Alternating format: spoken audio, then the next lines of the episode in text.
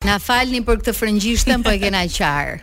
18 e 11 është ora dhe ne nisim transmetimin e Pardon My French në Top Albania Radio. Ju e dini tani më ju zëmë derën e makinës, makinën, shtëpi. Tani dëgjimin online me programin tuaj, më simpatik të pasdites. Në këto momente nuk po më shihni, po po më duket vetja si këto uh, personazhe të famshëm që i vret dielli dhe natën. I vret drita sytë uh, studios. Se kam vënë syzet e diellit. se Elona po më bënte një video dhe thashë të jem uh, tamam si një mm. autore dhe moderatore e denjë për uh, storin e Elonës. Në fakt je. Në fakt ka ka ish drita sa kemi këtu i meritojmë një palë syze, me thënë të drejtën. Me gjithë të ndriçim të studios. Mund të kërkojmë një bashkëpunim.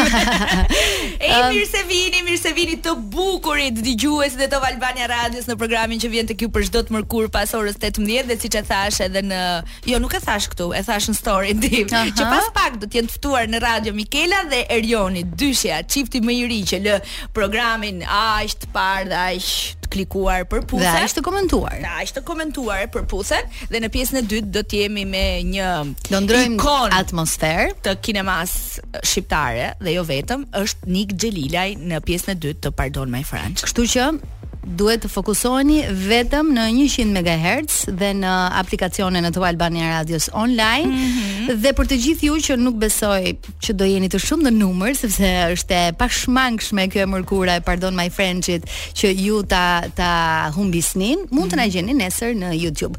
My power nga Beyoncé 18:20, 6:20 është është ora e saktë. Po flisnim që në studio do të kemi çiftin më të ri të dalë nga programi i dashurisë. Të cilët po vonohen në trafik, në trafik, në trafik. Dhe ky trafiku na nxiu jetën, domethënë. Ëm ehm, um, është e rëndësishme që në këtë pjesë të parë ne herë pas here kemi me çfarë të flasim, po, sepse sigurisht. kemi informacione pafund për sa i përket jo vetëm showbizit, por edhe gjërave që na rrethojnë. Do ndalemi në këto momente tek uh, Big Brother. 2 nga protagonistet e këtij edicioni kanë bërë ca gjëra. Çfarë kanë bërë? Beniada për shembull ka qenë prezente në Mediaset. Po, te Tiki Taka e ftuar, e ftuar në programin më të ndjekur sportiv në Itali. Mos më thuaj që jo, nuk erdhën, ah, është Gisela, jo në dashur.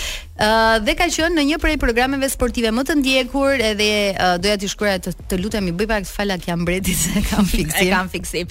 Nga ana tjetër Semi Jaupaj është gati për një tjetër hit të ri dhe këtë herë vjen prap për të dytën herë, për të dytën herë radhazi me, me Ylli Limanin. E ka konfirmuar këtë lajm Semi Jaupaj dhe Ylli Limani bëhen sërish bashkë për një tjetër bashkëpunim. Një tjetër protagoniste e Big Brother po ashtu sapo ka publikuar këngë emrin e saj dhe është Beatrix, një videoklip uh, shumë interesant. Trixa shumë seksi tek uh, tek kënga e sapo publikuar, por njerëzit sigurisht uh, vrapuan të nxjerrin një konkluzion se kujt i drejtohet dhe kujt po i dedikohet kjo kënga. Ndërkohë, në lajmet më të klikuara unë nuk kam asnjë ide për këtë treshe, domethënë unë shoh në portale që kjo historia nuk ka fund, është për çdo ditë, për çdo ditë, duket një sagë që S'mbaron asnjëherë, po ndër lajmet më të klikuara, të paktën që nga fundjava mm -hmm. edhe deri uh, sot që flasim, është gjithashtu edhe rasti i Gjikos, janë zbardhur akuzat që rëndojnë mbi reperin. Uh, një prej dëshmitarëve ka thënë se marijuanën e ka dhënë pikërisht ai edhe kjo është një akuzë goxha e fortë, me sa duket Gjiko ende nuk i ka mbyllur gjitha trazirat dhe problemet që ka. me gjykatën atje. Këto Këto ishin janë ndër lajmet disa më të tash e theme. klikuara në në në në, në portale online, në Doja Top ta Albania thoja. Radio dhe në News 31. Yes. Sepse uh, që ta dini, këto janë uh, të dy uh, webet kryesore ku ne i referohemi për të marrë informacionet më të fundit. Një nga të mërkurat e kaluara ne kishim ekskluzivisht në Top Albania Radio menaxherin e Era Istrefit i cili na prezantoi projektin më të ri të uh, saj që quhet Bebi, bebi me sa duket bebi. në pak ditë të publikimit ka arritur të ketë një rikthim të bujshëm le ta quajmë kështu edhe pas një mungese të gjatë ka arritur 5 milion klikime dhe jo vetëm kaq por kënga Bebi tashmë është kthyer në kolonën zanore të TikTokut, të Instagramit dhe të, gjithçkaje që lëviz dhe qarkullon. Ty të pëlqen ajo kënga? Po, sepse ka një pjesë shumë të bukur, pra ë uh, nëse je në një marrëdhënie dhe ia dedikon të dashurit mhm. dhe i thua që nga këto marrëdhënie që të dashurit i thonë baby jo jo thotë apo vjen ta bëjmë një baby apo mhm. vjen ta bëjmë një baby ah, është një propozim kam dëgjuar këtë i drejtpërdrejtë për të të ftuar në krevat jo jo është një këngë shumë është me një sound dhe me një beat shumë të mirë edhe sidomos nga ora 2 e natës kur edhe ke vepruar ndoshta me ndonjë gotë. Është shumë interesante. E kam vënë re edhe gjatë palestrës, sidomos tek pjesa e crossfit-it. I kthen aty të gota. Janë edhe janë më të karikuar kur kjo këngë luhet. E patëm ekskluzive më shumë se 2 javë më parë menaxherin e Era Istrefit, i cili na ka premtuar që shumë shpejt Era, Era Istrefit do të jetë edhe në program një rikthim që do të thosha i bujshëm, i klikuar. Ëm um, dhe shumë interesant si produksion, ëh? Po. Kështu që Edhe pse nuk të paktën mm -hmm. nuk unë nuk e kisha dashuri me dëgjim të parë. Po, desh, edhe për mua. Më desh disa po, ditë të të mësohesh me këtë. E kemi tani jo me prezencë Erën, po me anë të zërit të saj, është pikërisht kënga për ne mm. uh, për cilën e folëm. Baby. Dhe është baby. Baby. E mo bebi, mo bebi, tani dua të më dëgjoni me shumë vëmendje, sepse kam një propozim shumë interesant për të gjithë ju që keni menduar T'i drejtoni dhëmbët tuaj në mënyrën më të padukshme të mundshme dhe me një rezultat fantastik. Do t'ju propozoja iClear. Drejtoni dhëmbët pa u vënë re nga askush. A iClear Alling Aligners, Aligners. Do ta mësoj ndonjë ditë ta shqiptoj siç duhet. Por uh, unë uh, i them thjesht iClear sepse uh, për mua ky është uh, edhe uh, brendi. Është metoda alternative që ju jep mundësinë të keni atë buzëqeshjen që gjithmonë keni uh, dëshiruar dhe në iClear uh, ku keni uh, kontributin e 400 klinikave në Shqipëri, Kosovë dhe Maqedoni mund të konsultoheni me dentistët tuaj sepse është një trajtim që duhet patur patjetër uh, pjesën e konsultës edhe survejimit nga dentistët tuaj. Mund ta bëni mjaft thjesht, un kam patur Një rezultat fantastik. Ja ku keni shembullin konkret të drejtimit të dhëmbëve. Mirë, do të shkojmë tek Të pëlqeva Elona? Yll, yll. Jam një yll me iClear. Do të shkojmë tek uh, një propozim tjetër muzikor, ndërkohë uh, Mikela dhe Erioni janë rrugës. Do mundohemi të lidhemi me telefon sepse me sa shoh trafiku në Tiranë qenka çmendur dhe pikërisht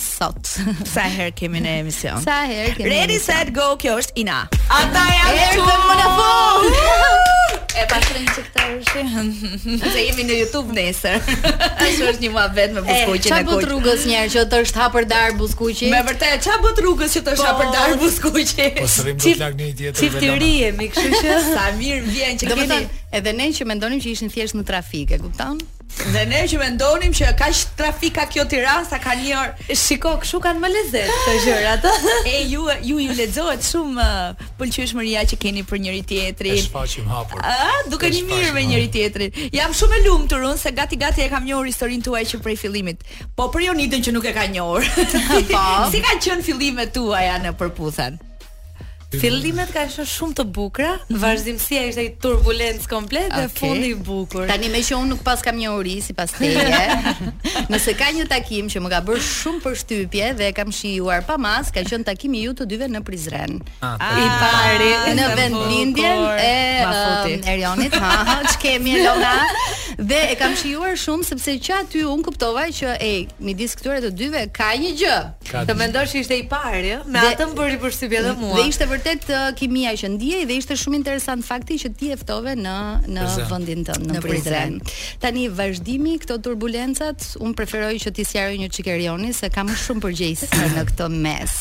Turbulencat ishin pjesë e rrugëtimit gjatë që ne kishim. Mhm. Përndryshe ndodhën disa gjëra që disa ishin të këndshme, disa ishin të pakëndshme. Mm -hmm. Po cilat ishin të këndshme një herë? Ato me ty besoj. Gjithë momentet me ty ishin të këndshme. Mhm. Mm Kishte edhe disa tjera, po. Erion, po kur e kuptove ti që vërtet të pëlqen Mikela shumë? Se kanë qenë ca Për'hipërcira, kanë qenë ca Për'puthen Prime që nuk kishin fund. Erjoni Mikela dhe një drama që më ke thënë për Erjonin. Ka qenë një mis drama kjo njerëz që nuk po e kuptoja ore nga po kthehet, ore vërtet e ka me këtë djalin apo është konfuze dhe thotë provoj një herë këtë djalin apo të tjetrin apo Erjonin. Ë, ti vetë kur e kuptove që kjo është vajza e duhur për ty. Vajza e duhur për mua s'di kur mund të them, po për pyetjen e parë që më bëre që the kur e ke kuptuar se pëlqimi ndaj Mikelës është i madh, është mm -hmm. prej momentit kur e kam parë për të parë.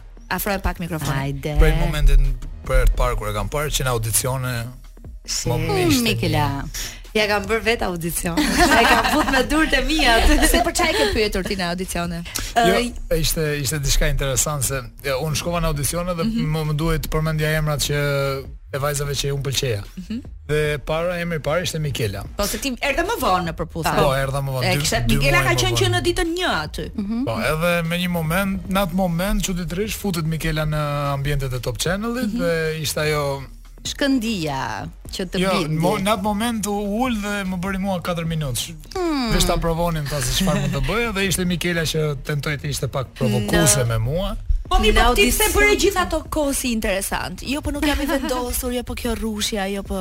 Po tash Elona formati ha. ishte i tillë që ne nuk mund të dimë. Ja, nuk mund të dimë. Ti doje të rrije sa më gjatë në emision, të pëlqente dhe po shijoje suksesin e shikueshmërinë. Gjithçka ishte e pëlqyeshme gjithçka na ka shijuar, thjesht që nuk ishte ajo veç arsyeja që të rrija më shumë, përkundrazi ishin disa momente që unë seriozisht doja të çohesha dhe të largohesha nga sh- një Ashtu, stres ë? shumë Tani i dhe me madh. rrushen do dilte për të kuptuar a ishte Mikela ajo që i pëlqen apo po të mbroj ca si shumë. Po duhet me mbrojtë. Unë mendoj që më shumë se këto të tjerat i pëlqente kur më shifte mua që zihesha për këtë, Po. vdiste, Ah, të mbaronte. vdiste. Jo Mikela, cilat kanë qenë ca nga këto batutat, shprehjet, këto inatet e tua?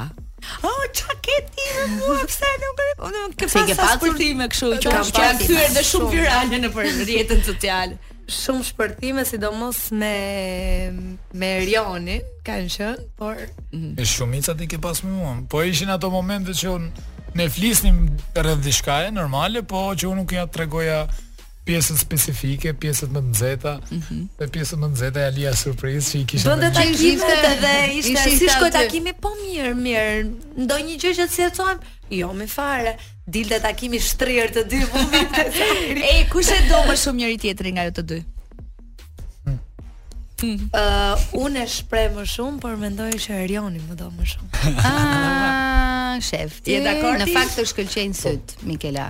Normal, unë ndihem, ndihem perfekt dhe se. Okej. Okay. Tani pasi uh, keni dalë nga programi, sigurisht që do bëni këto daljet tuaja në çift, programe televizive njërën tjetrën.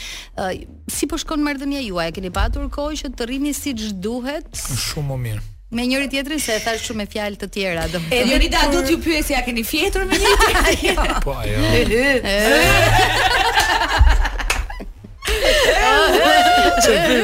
Olcës i keni treguar.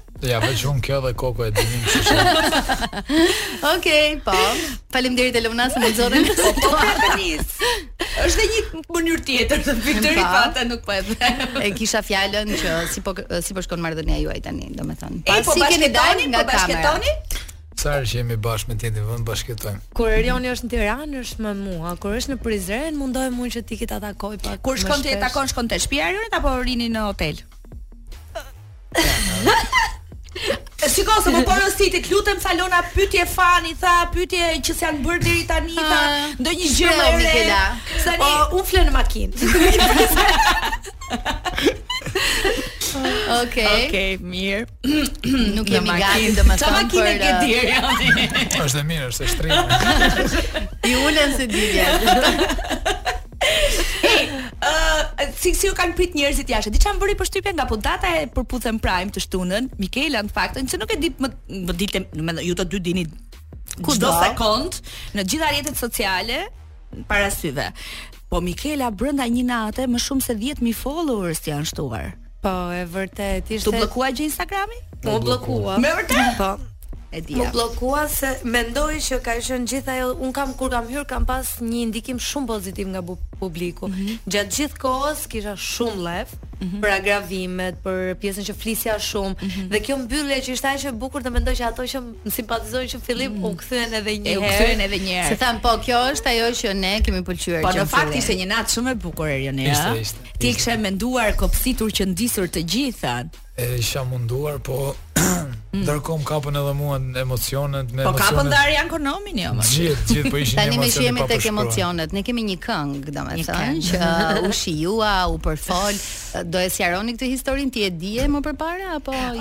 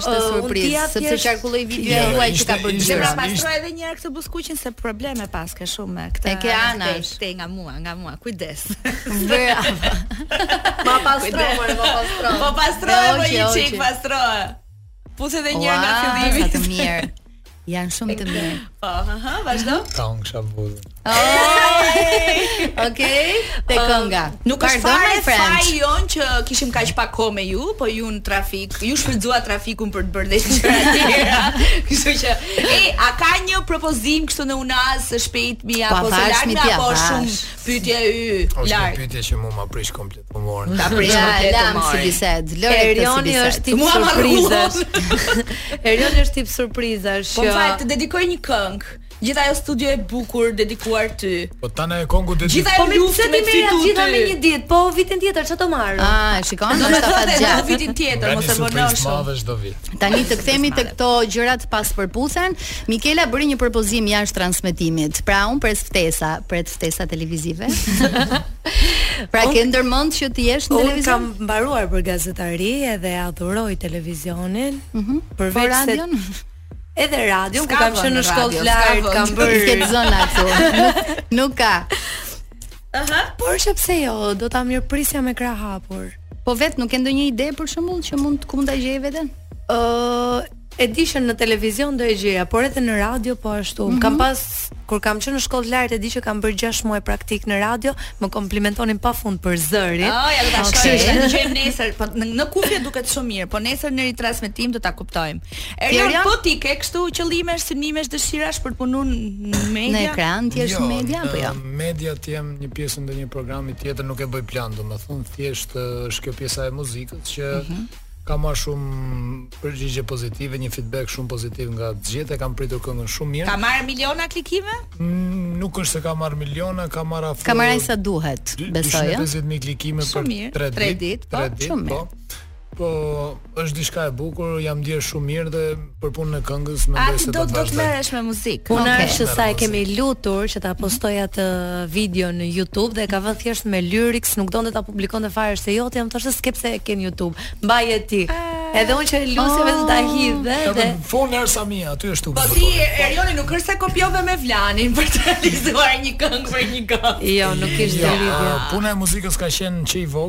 Ajo ka qenë një ëndërr për mua mhm. dhe gjithmonë më ka shkuar pak zëri, po që kam pas gjithmonë atë kompleksin e madh të kamerave, të publikut, mm -hmm. kam mhm. pas një kompleks seriozisht që s'mund të performoja ose të kënoja kundrejt dikujt. Po që këtë gjë ia di edhe për faleminderit programit që më ka dhënë. Ne këtu do ndalesha te programi. Çfarë ju solli përputhen në jetën tuaj? Çfarë ju ndryshoi ose a ju a ndryshoi dhe si? Ë, na ndryshoi, na ndryshoi. Fol. Un Dua dhe do jem gjithmonë mirënjohëse Olsa Muhametit, përjetësisht, për çdo kujtim që kam nga ai program dhe çdo sfidë që kam kaluar, që kam sfiduar veten në shumë gjëra që nuk mendoja kurrë që do ja arrija dhe ja kam arritur disi. Mm -hmm.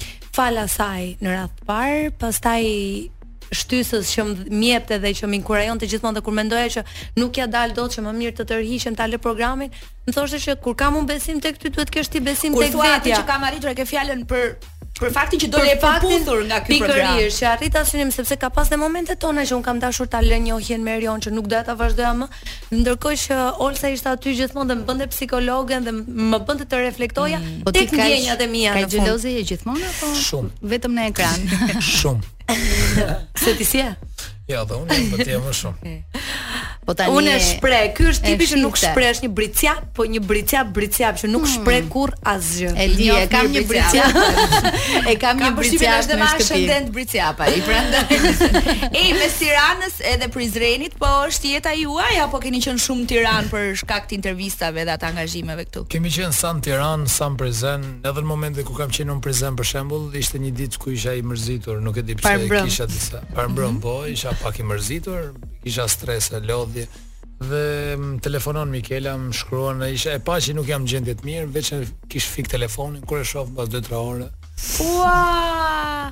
Si Mikela. Doli për fare, domethënë është. Ka shumë për tren për Erionin. Patjetër. Mm. Vajta në 11 natës dhe u ktheva në 4 të mëngjesit. Ti je vetëm për ta takuar. Po ti çfarë sakrifice ke bërë për Mikelën? Shkaki që lash çdo gjë, çdo gjë pas për të për të vazhduar këtë rrugëtim. Rrugëtim, rrugëtimin që e vazhdova në program, më më kusht, kushtojnë atë aspektin që jetën që kisha duhet ta leja në pauzë, vetëm që të vazhdoja këtë gjë që po merresha. Po që jam i lumtur që e bëra zgjedhje, tashmë jam rikthyer jetës normale me Mikelën në krah. Oh, sa mirë. Edhe ne ju urojmë më të mirë. Ju urojmë shumë suksese të dyve në çdo uh, angazhim, qoftë televiziv apo muzikor. Shpresojmë që kur t'i prezantoni këto projekte të vini sërish në studio, në në orar, në orar, jo në trafik. Edhe uh, faleminderit që ishit me ne sot dhe bëtë gjithë këtë sakrificë për të ardhur nga uh, Top Channel, nga Kashari në mes të trafikut. Ju falenderoj juve. Shumë suksese dhe shumë dashni mes jush. Faleminderit. Ne do të shkëputemi për pak. Oh, oh, ja, ne do shyqyr zotit kemi kamera. Kemi kamera dhe i fokusojmë këto momente. Nesër në YouTube uh, do të jetë TikTok-u. Do të jetë edhe intervista e Erionit dhe Mikelës, meqë ra fjala fitohet nga TikTok-u? Po. Fitohet. Është kënaqësi dhe nder i madh për ne. Kemi në studio një prej yjeve të kinematografisë shqiptare dhe jo vetëm. edhe asaj turke, edhe asaj gjermane, me ne është Nik Xhelila. Mirë se na erdhe në radio. Mirë se gjeta. Faleminderit për ftesën. Si po duket? Me shëndet, mirë je? Mirë. Mirë të kanë shkuar punët? Sa mirë që pyete shëndetin? Po sigurisht, është e para, më e rëndësishmja. Po. Jo, në përgjithësi kur vjen nga jashtë të pyesin kur ke ardhur dhe sa do rrish. Sepse kanë uh, dhe këtë pjesën që duan të të kenë nëpër studio. Jo, jo, se është është pyetje shqiptare. O sa mirë paske, sa do rrish. Po me shëndet je mirë. Jo, mirë, mirë. I, mirë. Në këtë kohë pandemie Covidet i kalove me sukses, pak, më pa... pak stres nuk e di, ju kapi ju këtu në Shumë stres, po po. Elona nja dy herë. Besoj që tani nga fundi fare. Aha. Sa kisha bërë atë vaksinën numër 3. E po prandaj të kapi. ja, sa ja. Fishman, për, për të tretën Ja dhe një Alfred Çako i radio. Po të gjithë flasim publicitet. po të gjithë familjarët dhe njerëzit e zemrës si i ke. Janë mirë, janë mirë shyqyr. Kjo është më e rëndësishme. Meqë ra fjala kur ke ardhur dhe sa do rrish.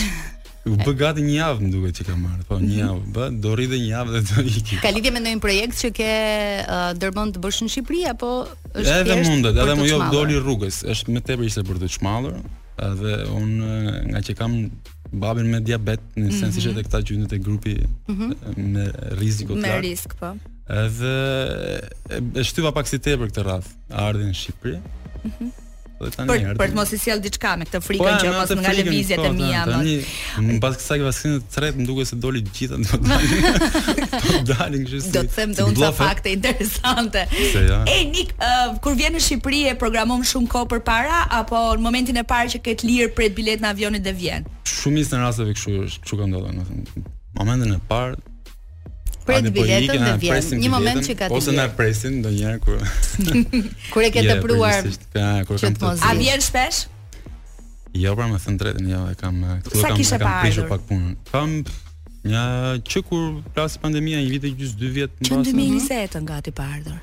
Erdha në dy vjet, po erdha shumë pak. Mm -hmm. Erdha për disa shumë pak probleme dit. vërtet shumë personale, familjare, pastaj ika. Tani të flasim pak për karrierën dhe për të gjitha këto lëvizje që Nikun e kemi parë nëpër botë, por në pjesën më të madhe të rasteve ke qenë i fokusuar në Stamboll. Kemi diçka të re?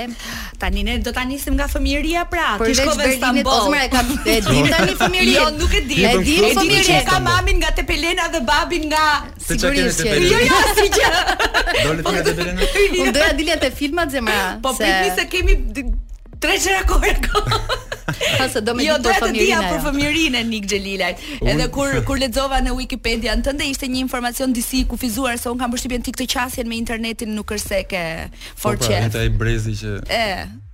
nuk i bën gjërat për brezi i kontaktit fizik. Pra, po thoja, ti je rritur në një familje me dy prindër, njëri nga Tepelena dhe tjetri nga Vlora, Vlora. Po. Mm -hmm. Ke lindur në Tiranë? Po. E rritur në Tiranë? Kop në Kopshtin, shkollën e mesme, tetëvjeçaren, të gjitha këtu. Tetëvjeçarja tek ish Labinoti, Osman Myderizi. Okej, okay, ke qenë ti një nxënës i mirë? Gjuhë-letërsi i mirë kam qenë, me thënë të drejtën. Po matematikë, tap topi. tap topi, jo, po topi. Atë. e rëndësishme është që nga ushtarak më në fund zgjodhi të bëhet aktor dhe ka bërë zgjedhjen më të mirë në jetë. E di pse, e di pse e nisa që nga fëmijëria dhe nga prindërit se të dy prindërit e tu kanë formim ushtarak, domethënë janë ushtarakë. Edhe ta imponuan në një farë mënyre që ti shkollën e mesme ta kishte në këtë po prirje? Po pati një tentativë nga 97, 98, tani se po bëjmë këto vite sikur një 200 vjeçë si mbaj mend, po 39 është. Se mbaj mend shumë më tërmë. 98 më duket se ishte. Ishte periudha 97 98 që pati probleme këtu në Shqipëri e mban mend ju, po, se do ta mbani mend. Fal, kush nuk e mban. Edhe duke qenë tani vetëm fëmijë mashkull në shtëpi, ideja është ta çojmë jashtë. Po. E kishin dy tre mundësi. Biles kur hapsi mua bet akoma dhe sot e kësaj ditë më vjen inat. Po që gjërat janë të shkruara. Po për çat vjen. Kemi atë në Stamboll. Kismet. Kismet. Kismet. Kismet. Dhe kur i thash do vish në radio tha tamam. Tamam. Okej. E se ta kam me me me shaka. E bën dhe për shaka. Edhe aty aty kreve shkollën e mesme ti. Jo, më dërguan këta të shtëpisë atje. Mm -hmm. Kjo është ideja. Po kishin tre variante, kishin një në Verona të Italisë, një në Vjenë mm -hmm. të Austrisë dhe Stambollin e Turqisë. Po Stambolli atëherë nuk është ky Stambolli që është sot, ëh. Si ishte Stambolli atëherë? Si Tirana sot? Po ka qenë më kështu, më pak më, më edhe më i vjetër, pak jo, më pak modern, i bukur, mm -hmm. domethënë, kishte një lloj Nostalgjie po Sa do sa do shkollë ushtarake? Po të ngjiti më shumë Stambolli se ndoshta është më afër nesh Turqia. E dashme të keqen e lash 4 muaj zë. 4 muaj. Ka vëra ti sa bile. Prandaj thash që ka bërë zgjedhjen më të mirë, se ne sot kemi një nga aktorët më të mirë shqiptar, edhe domethënë, besoj që biem të gjithë dakord në këtë pikë, jo vetëm ne të dyja që jemi këtu në radio, po në të gjithë rrethin tonë të showbizit edhe të mediave të shkruara, televizive dhe në radio biem të gjithë dakord për këtë, vetëm se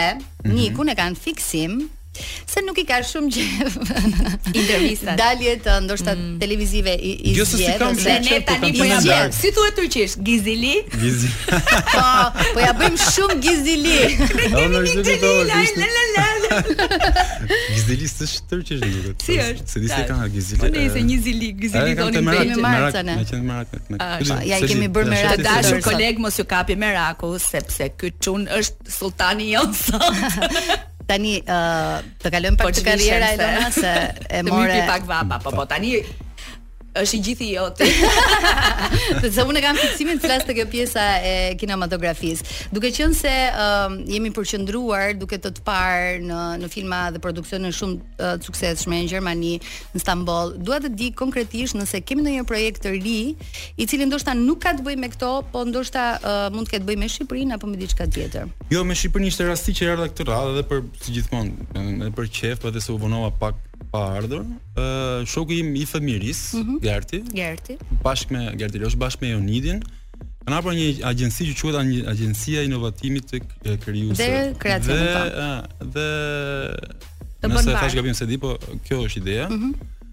Dhe qëlloi që po bën një hapje, bën hapjen e eventit, mm -hmm. që do startojnë dhe ajo si ide është që këta kanë marrë në fillim disa nga kinemat e qytetit. Mm -hmm.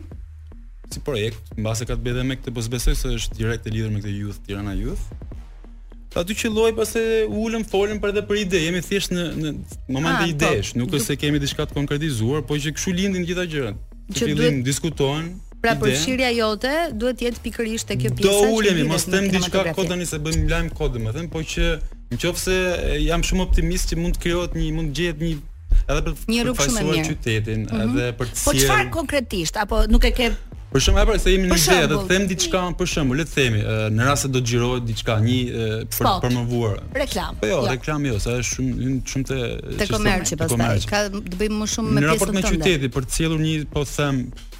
Serial mund të jetë. Ah. Po okay. krijohet një ekip dikush që do e shkruajë, dikush që do të provojë. Unë sjell eksperiencën nga jashtë, mbase. Mm -hmm. Nëse këto janë të të themi të drejtën. Këto janë ajër, jo të kopsitura, janë jo të po? kopsitura. Po? Ne do ulemi prapë, mbase edhe më gjatë. Edhe kjo u bë sebep që mm -hmm. paktën këtë radhë, këtë radhë nuk erdhi thjesht kështu. Ideja që hajde se po vjen takon ato të shtëpisë dhe mbaron. E kuptoj. Kështu që lindi diçka dhe ishte gjë shumë e mirë. Një projekt më konkret, kjo. ne dimë që pandemia, sepse e kemi patur në Radio Nikun me anë të një telefonate mm -hmm. një vit e ca më parë, dimë që pandemia të ndërpreu disa disa projekte pa. Po. shumë të mira që ti kishe në Turqi. Uh, ku jemi? Edhe në Gjermani, më thënë. Edhe në po Gjermani. Tani i ke rikuperuar, do jo, po fillon? Jo, i, i, i rikuperova në, domethënë vitin e parë të pandemisë, xhirova në fakt një serial në Turqi. Mhm. Mm uh, diku te 10 12 episode. Pastaj dash këtë vitin që kaloi, po themi këtë vit se është afër deri në dhjetor kisha xhirime prapë për një gjë që do të dali në mm -hmm. është produksioni për Netflix. Ajo është gjysëm dram, gjysëm për Netflix. Është interesant, super. Është doku dram, si i thon. Së shpejti apo Atë nuk e di fare, më thënë drejtën. Po ne xhiruam ditën e fundit unë timen e kisha 15-16 dhjetor. Mm -hmm. A është diçka prapë kështu historike. Po. Nëse keni sigur të ngjisin këto temat. Këto temat me shpata me gjëra. Janë rastësore apo i zgjedh? Jo, shikoj, po të bësh një zgjedhje vetë ato pastaj se vjen kështu. E kuptoj, po. Si, si, dominoj, ha. Të të, të ndjekin vetë produksionet ose Regjisorë, çfarë nëse ka. Po këtë radhë e kisha me dy mendje sepse përgjithsisht duke qenë se është formati dokudram. Po. Ti nuk e ke komplet fiction idenë edhe rolin, e ke të, të edhe të flitet, hyn ai zëri. Keni parasysh për shkak që ti inskenon diçka dhe pastaj futet ai zëri i po, po. historianit që thotë dhe unë nisëm pastaj 100 mijë po, vjet drejt. Ai rrëfyesi storytelling. Kështu që edhe unë e kisha pak, po ishte paragjykim i kotë. sepse është gjithçka edhe me eksperiencë. Edhe mirë bëra që i thashë po, në sensin e pozitiv të fjalës. Të kalova shumë. Kur thua po, thua me me ndjesi, me ndjeshmëri, me një skenar që të pëlqen apo me një ofertë të mirë që vjen. Tash ato lidhen të dyja bashkë, se tash edhe pa. Mm. Pa vlerë monetare, sigurisht. Pa vlerë monetare, po që ë skenari është ai që skenari që të tërheq më shumë. Sepse roli deri diku ishte thjesht ë nëse keni parasysh ju e dini këtë sulltanin e madhërishëm të Ua, fati. Mua mua më thrasin hyremi. Shi shi. Po, po jo, ajo e para. Ajo. Je dhe babai, më dhanë për të dinë që ai sultan Mehmeti. Mhm. Dhe ai bëri, ai ishte ai që pushtoi mbas shumë shumë vite shekuj që nuk e pushtonin prindërit e këtij, gjysh stërgjyshët e këtij, ky mhm. sultan Po aty ky e pushtoi Konstantinopolin dhe i vu mhm. emrin mm -hmm. Istanbul më mbrapa. Po. Zgjati një pushtim të serialit, domethënë sezoni i parë, se i themi serialin, po mm -hmm. ai në fakt është TV show për Netflix. U xhirua vjet, pra u xhirua më duket në vitin e direkt pandemisë. Mm -hmm. Sezoni i dytë u xhirua vjet. Edhe unë isha ti thua Mahmud Pasha, është emri i personazhit, okay. po e themi edhe këtë. Okej. Okay. Edhe është Grand Vizier, si thua numri 2 i ushtrisë. Ah, okay. Po nuk është ai, është ky. Okej. Okay. Kishte një të, një situatë që ishte me prejardhje serbe dhe shqiptare. Dhe që kjo ishte interesante. Shumë interesante. Me nga të dyja, domethënë, është edhe serbe dhe shqiptare. Nuk se nuk është e çuditshme që personazhi në Wikipedia nuk dilte. Origjinali. Unë sa që kam thënë, unë origjinën e bëra më shumë, i thashë 70% shqiptar. E drejtë që t'i japësh ti pjesën ah. tënde më të mirë. Meqë meqë ra fjala ti mban ende. Ti mban ende një pasaportë shqiptare edhe po, pse po, je me atë atë atë s'ke tjetër. Ajo që Lëviz ajo të ka penalizuar. Disa herë me thënë të drejtën, e duam sa e duam, po atë disavantazhin e vet e ka. Po pse? Po e ka me ti pse, se është ajo që është Pra, për një projekt shumë të mirë filmik që Niku mund të ishte pjesë në Britaninë e Madhe, penalizon. nuk uh, u favorizuar shumë kjo pjesa e Po se jo, ishte është edhe çështje pak edhe Nik bëhesh neglizhent vetë. Pak për shembull po bëjmë muhabet jo më shumë po dje me një dy tre shokë. Ë uh, Gerdi është një nga që edhe ka qenë pjesë e atij muhabeti, ka qenë një rast ku mbasi bëra unë këtu në Shqipëri ata dy tre filma edhe me mm -hmm. filmin shqiptar në fund mhm. fare mm -hmm. erdhi. Qëlloi një për mua që unë e kisha ëndërr, kështu të shkoja në Londër, dhe erdhi mm -hmm. nga Londra një film Film autor me buxhet jo shumë të madh, buxhet modest, vogël, modest. Por ishte rol i bazuar në një novelë të shkruar në The Nick of Time me aktor kryesor, domethënë me rol kryesor edhe në mm -hmm. personazhin e novelës, por edhe pastaj në film, shqiptar që kishte prejardhjen nuk ishte shumë e përcaktuar, por në novelë është i Kosovës. Edhe regjizori më donte mua,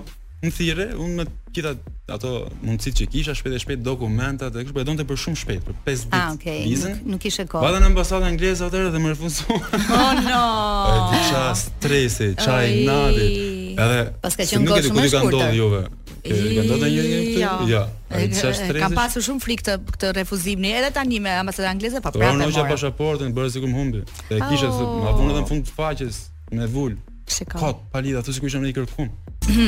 DJ-n tonë të dashur ti sa i kujtove mamutin. Gjeti një mamut oran për për 6 days. e lamë tek Britania që të po. refuzua viza e parë dhe po, nuk po, i që pak ato ujit apo jo më e hoqëm letrën me ti ha. Fal sa e vëmendshme ja, aman aman. Mhm, mm është një shi kështu për marketing. S'e hoqa dorën pastaj. S'hoqa dorë, këmbëngula. Tashi do iki në Londër s'ka. Po ky është suksesi yt që ke këmbëngulur dhe ke arritur gjëra të tjera. në edhe ka ardhur të ish ka pasur një Gerdi, ka pasur një lokal te Blloku që quhej People. Mhm. Mm Gerdi bënte koktejl, unë jepja audicion. Të kanë shumë histori. Të gjithë të famshmit shqiptarë nëpër botë eh. kanë nga historitë më të çuditshme, po njëkohësisht edhe më gazmore, domethënë nuk e di se si. Për shembull, tregonin një herë ca balerinë të famshëm nëpër botë, e di si u bëra unë balerinë, se vdiste mami dhe babi që të kërceja nëpër dasma bukur. dhe historia që tregoi Niku ishte. Audicioni paska qenë shumë interesant me Gerdin ja, ja. aty, pastaj kjo pjesa që uh, ti vajte në Angli, pate një rol dhe ishte fiks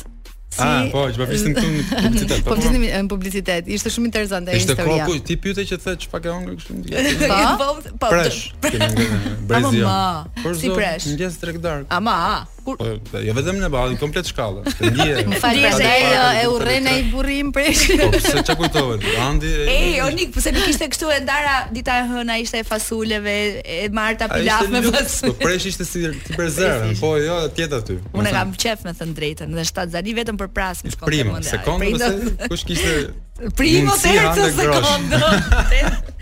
Ej, po në përgjithësi ça ça ushqimi të pëlqen, ça gatimesh të pëlqen. Jo, po ta marr këtë momentin e preshit, kur shkon në Londër për të xhiruar. Ky roli që e bëra atje. Që kishte në Londër. Bile se ai filmi ka ardhur këtu më duket diku, nuk e di çfarë viti te festivali i Tiranës, se ky mori filmin më të mirë. Mm -hmm. Seven Lucky Gods, që është filmin. Ah! Nejse. Paskemi humbur. Edhe, po, po, u dha vetëm në festival. Unë s'erdha dot, erdi regjizori që ishte këtu i pranishëm. Nejse, edhe në film trajtohet tema e një djali, sigurisht që ka probleme me dokumentet. Mm. Përveç të tjera tjera. Histori shqiptare. Ma që në ba. Histori e njohur. Dhe ne xhironim te një grua në diku nga, shumë zonë e bukur në Londër, poshtë South London, mm. jo Junction, e harrova tash se po bëj kot, po një gjë me Clapham Junction, një gjë e tillë. Po, po. Nejse se u bënë shumë, u bënë edhe mm -hmm. Edhe ajo gruaja aty ku xhironim neve, pa që unë vërtet përveç se në rol që kërkoja mm -hmm. siç është skena e tillë. reale. Siç është reale që kërkoja. Kërkoje shtëpi, shpi, kërkoje një dhomë, shtëpi s'e merr dot në atë vit po. E tha, unë e jap, se për një dhomë. Sa e kishte pazarin? E kishte e kishte 900.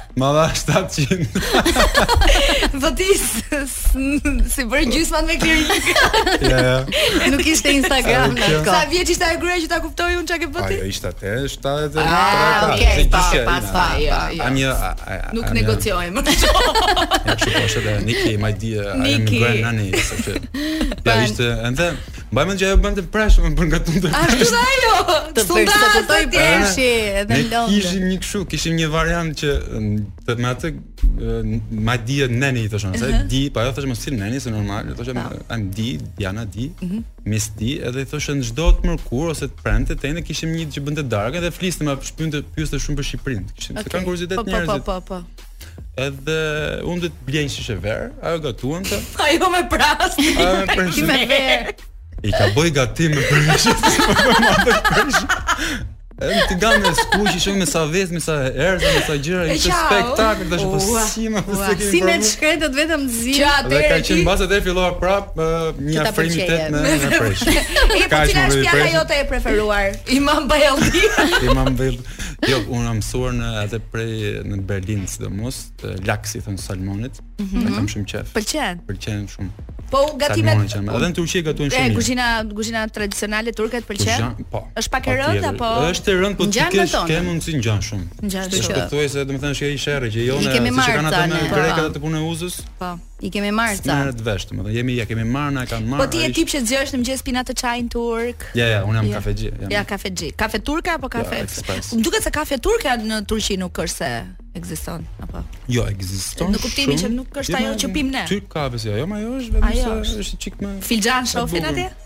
Uf. Ke parë ndonjëherë? Fall, i thonë ata. Ke parë ndonjëherë? Fall, pak më kanë parë kur vatën fillin kot për qef, se ishte një shoqja ime që. Ça të thanë, ke një rrugë, një film. Të gjeti gjë? Gjeti rrugën, që jam Gjermani. Ika në Gjermani, pastaj. Tani tek Gjermania shkon vjen, shkon Stamboll, kemi një produksion me sa di un, se po bëjmë kështu sikur nuk dim gjëra, po edhe dim ca gjëra. Ke një produksion, unë e ke pras ti vazhdo. Kemi një produksion që është në në horizont. Është produksion gjerman që do të xhirohet ku? Në Tenerife, mm -hmm. në Spanjë. Po. Duket tash sikur unë me thënë të drejtën edhe për pushime po iki. Po. Edhe kam dhënë audicionin kur isha në Stamboll, më kishte kap Covidi. Mm -hmm. Isha tek 5 ditëshi i parë që mezi eca nëpër shpi se më kapi shumë keq, po m'u zgjat, me thënë të drejtën. Mm -hmm.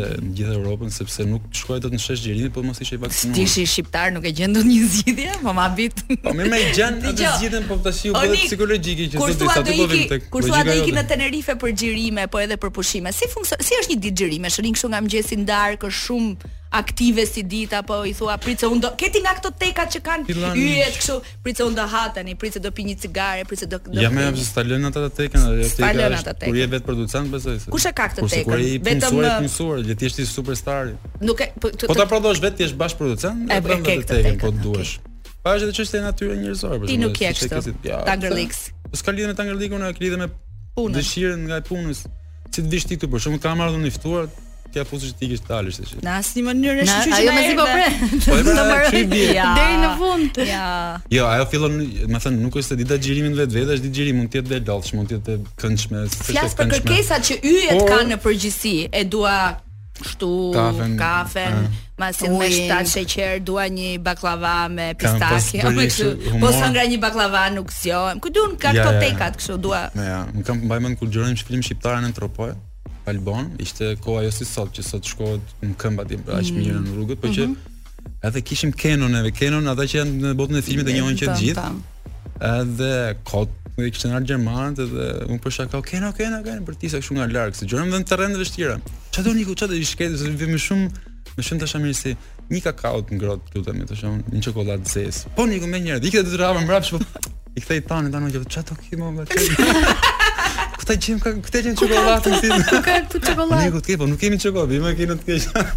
Atë më kujtohet punën e. Aha. I vetëm ta ngre Nik mbas ai ka qenë me Kevin. Ai ka qenë. Po. Po, pastaj e kuptoi që nuk duhet me bë. Ja, por për të për punën e xhirimit pastaj është që ti fillon procesin e skenës se ke që 2 a 2 3 javë përpara që që të dhe në në ditën e xhirimit ti je në momentin e ekzekutimit të gjithë. E kuptoj. Është si me thën finalizimi. Nuk është se jetë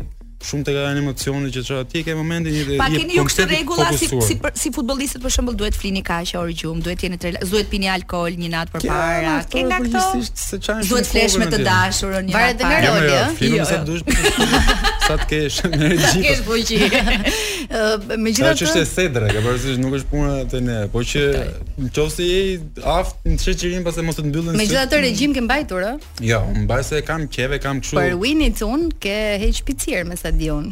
Patjetër po, patjetër se duhej, duhej. Ishte një hero që duhet kishte pikërisht trupin e formuar dhe ka mbajtur një regjim shumë strikt. O Nik, a synon më shumë se kaq, pra më shumë se Turqia, Gjermania, Netflixi. Ka shpresë, domethënë, ke si synim të shkosh në audicione në LA për shembull.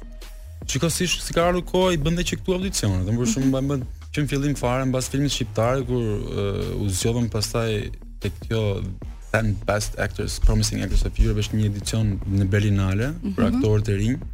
Ka disa kritere, nejse një audicion kam dhënë për Ridley Scott.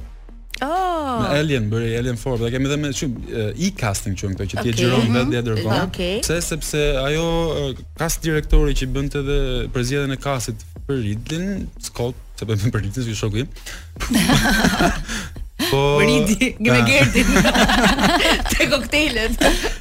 Ajo ishte në atë vit ishte qelloi që ishte drejtor, si thua e përgjegjësja e atyre që kishin përzgjedhur këto talentet e Evropës. Edhe më bëri përshtypje dhe kërkon, si do të po, casting e jap e kushdo, nuk është më puna si kur. Shpulla e Will Smith në Oscar si të duk.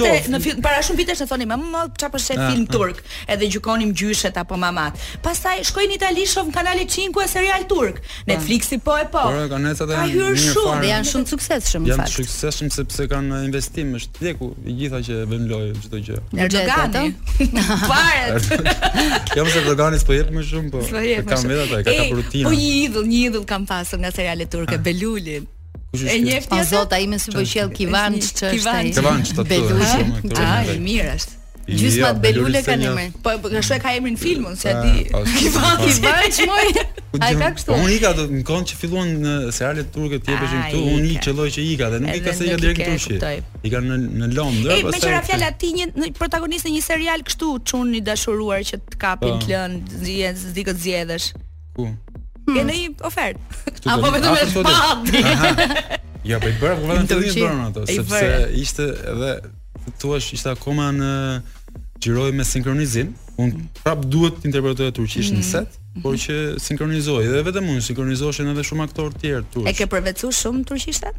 Tani e kam përvetësuar po aksenti dreqi ta haj. Ka një lloj një farë që të pengon pak der der. Që mos të mos marrësh direkt ato rolet e mëdha. Mhm. Edhe detyrohesh për shembull lozësh rolet e dorës dytë ose të keqin, të themi antagonistin. të Bizantin dhe s'ke Bizantin dhe Rumë, Grekun për shembull, se ushtarët grekë i vënë atë. Si është falim po në Shqipëri pse nuk, do të thënë, nuk kanë marrë shumë seriale që që ti ke interpretuar. Po s'e di, atëherë unë atëherë që shkruaj edhe me anë të po... të gjithoshë. Mm -hmm. Ke qenë ti atëherë më, më kemi më, më vetëm nuk e di që të, për top channel-in atëherë që të blinte këtë ë uh, Lost City, ka i pëshirin, fillim. Ai që është po transmetuar në Amazon apo Jo, ai tash është nga fundi. Tash nuk e di ku e mori, mori Klani pastaj mbrapa s'e di kush e mori, pastaj po që ishte duke shumë shpejt, akoma s'ishte futur në modë. S'ishte futur në linjë dhe nuk ishte i i pëlqyer ndoshta nga pjesa e shqiptarëve që ndjekin serialet.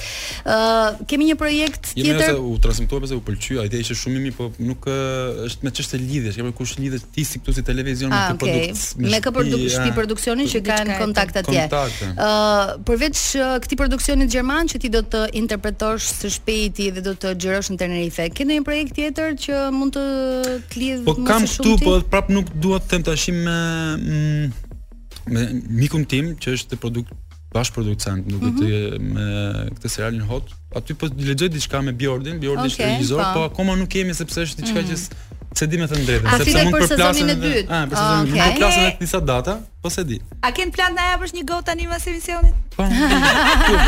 Se mbaroi. Jemi në fund fare. Ah, nice. Prandaj, kaq. Kaq si, këtu që ngera. Po kur të pyesin ata. Prapë. Edhe pyetja e fundit kur thonë mami dhe babi, mor djalë, çka ke ndërmend, do na sjellësh një vajzë në shtëpi, ça u thua? Edhe pak, edhe pak.